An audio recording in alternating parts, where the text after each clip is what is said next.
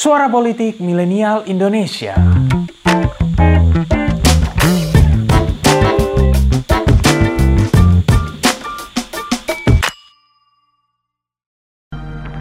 Kami, bangsa Indonesia, dengan ini menyatakan kemerdekaan Indonesia.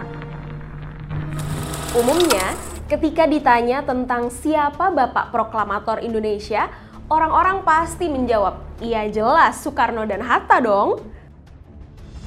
Memang, pada tanggal 17 Agustus 1945, dua tokoh ini menjadi figur sentral dalam pembacaan teks proklamasi kemerdekaan Indonesia. Saking ikoniknya, Soekarno dan Hatta dijuluki sebagai Bapak Proklamasi Indonesia. Tapi, tahukah kalian, ternyata Soekarno dan Hatta bukan proklamator pertama Indonesia loh. Bertahun-tahun sebelum Indonesia merdeka, ada satu tokoh Nusantara yang sudah lebih dahulu memproklamasikan kemerdekaan Indonesia.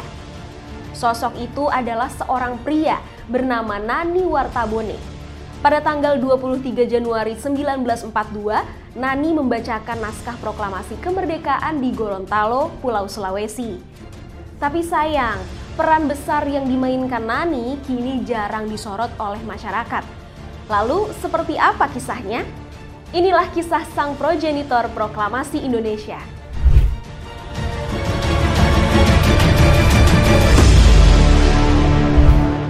Nani Wartabone lahir di Suwawa, Kabupaten Bone Bolango, Gorontalo pada 30 April 1907.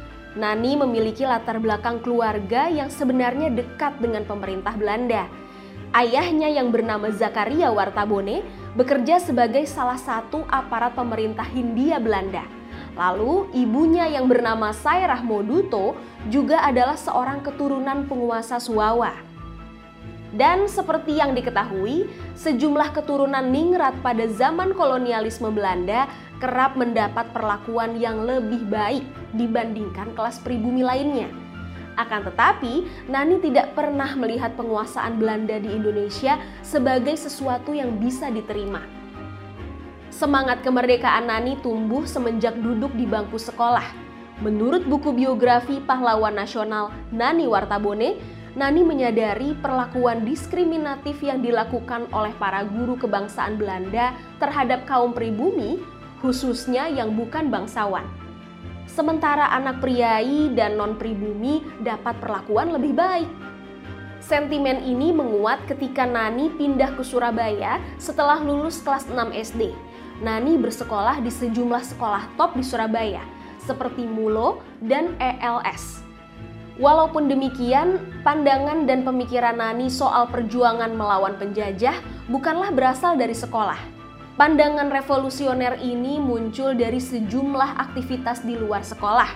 Masih menurut buku biografi tadi, Nani sering mengikuti acara diskusi dengan beberapa tokoh terkemuka seperti Dr. Sutomo, Agus Salim, Cokro Aminoto, dan tentu saja dengan Bung Karno. Ceramah-ceramah dari Bung Karno menggugah hati Nani bahwa kemerdekaan adalah hal yang niscaya terjadi. Karena terkagum-kagum, Nani akhirnya memberanikan diri berkenalan dengan Bung Karno. Kedua tokoh ini akhirnya memiliki kedekatan yang spesial. Nani disebut pernah tinggal beberapa hari di kediaman Bung Karno dan berkesempatan membaca sejumlah buku politik miliknya. Nani juga dapat wejangan spesial dari Bung Karno yang berbunyi jangan pernah kerjasama dengan Belanda. Di Surabaya, Nani pun berkenalan dengan para tokoh Partai Nasional Indonesia atau PNI yang merupakan partainya Bung Karno dan menjadi salah satu kadernya. Ketika kembali ke Gorontalo di tahun 1928, Nani menjadi ketua PNI cabang Gorontalo dan menyebarkan ide nasionalisme pada warga di sana. Selang beberapa tahun, Nani berniat menguatkan semangat perjuangan rakyat Gorontalo dengan bergabung ke salah satu organisasi masyarakat Islam terbesar Indonesia, Muhammadiyah.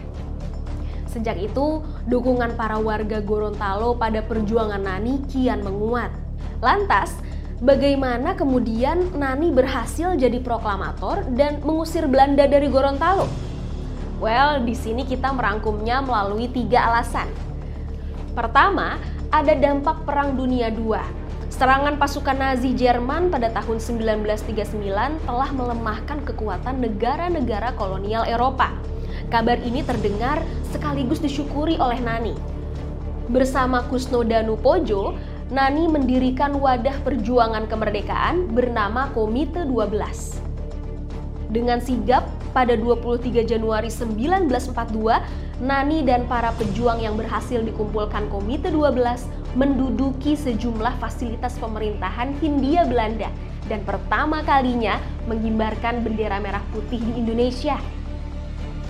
Lalu alasan kedua, revolusi bisa dengan sangat cepat dieksekusi Nani karena ia memegang simpati para petani dan masyarakat non-priai yang jumlahnya sangat banyak keorganisasiannya di PNI dan Muhammadiyah, serta kelihayannya menyampaikan semangat revolusi, membuatnya jadi pemimpin yang didambakan dan diidolakan rakyat Gorontalo. Karena itu, ketika momen revolusi muncul, Nani dapat merealisasikan investasi perjuangan yang dibangunnya semenjak mendapatkan wawasan kebangsaan dari pergaulan di Surabaya. Kemudian alasan ketiganya adalah karena Belanda mengantisipasi serangan Jepang. Gorontalo adalah wilayah terdekat dari potensi invasi Jepang, sehingga Belanda lebih memilih memfokuskan penguatan pertahanan di wilayah-wilayah internal Indonesia, seperti Pulau Jawa yang notabene dianggap sebagai wilayah yang lebih penting. Dengan demikian, ketika pergolakan muncul di wilayah seperti Gorontalo, Belanda tidak punya kekuatan untuk membalas. Pada akhirnya, Perjuangan Nani membuat rakyat Gorontalo jadi penikmat kemerdekaan pertama di Indonesia. Sayang, kejayaan tersebut hanya berlangsung lima bulan, yakni dari tanggal 23 Januari sampai 5 Juni 1942. Ini karena Indonesia tiba-tiba diserang Jepang. Setelah Indonesia merdeka, Nani tidak banyak menghabiskan waktu di politik dan memilih menjadi seorang petani. Ia diberkahi sembilan anak yang keturunannya hingga kini masih hidup di Gorontalo. Berkat perjuangannya melawan kolonialisme Belanda, Nani mendapatkan status sebagai salah satu pahlawan nasional Indonesia pada 6 November 2003. Dari kisah Nani memang tergambar jelas bahwa republik ini memang menjadi perjuangan besar yang telah digagaskan oleh banyak pihak. Semuanya dengan satu kesamaan narasi, bahwa penjajahan sudah seharusnya dilawan.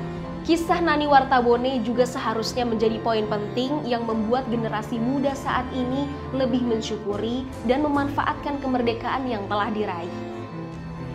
Nah, itulah kisah perjuangan proklamator pertama Indonesia, Nani Wartabone. Bagaimana menurut kalian? Adakah pahlawan nasional lain yang memiliki kisah yang sama menariknya dengan Nani? Berikan pendapatmu.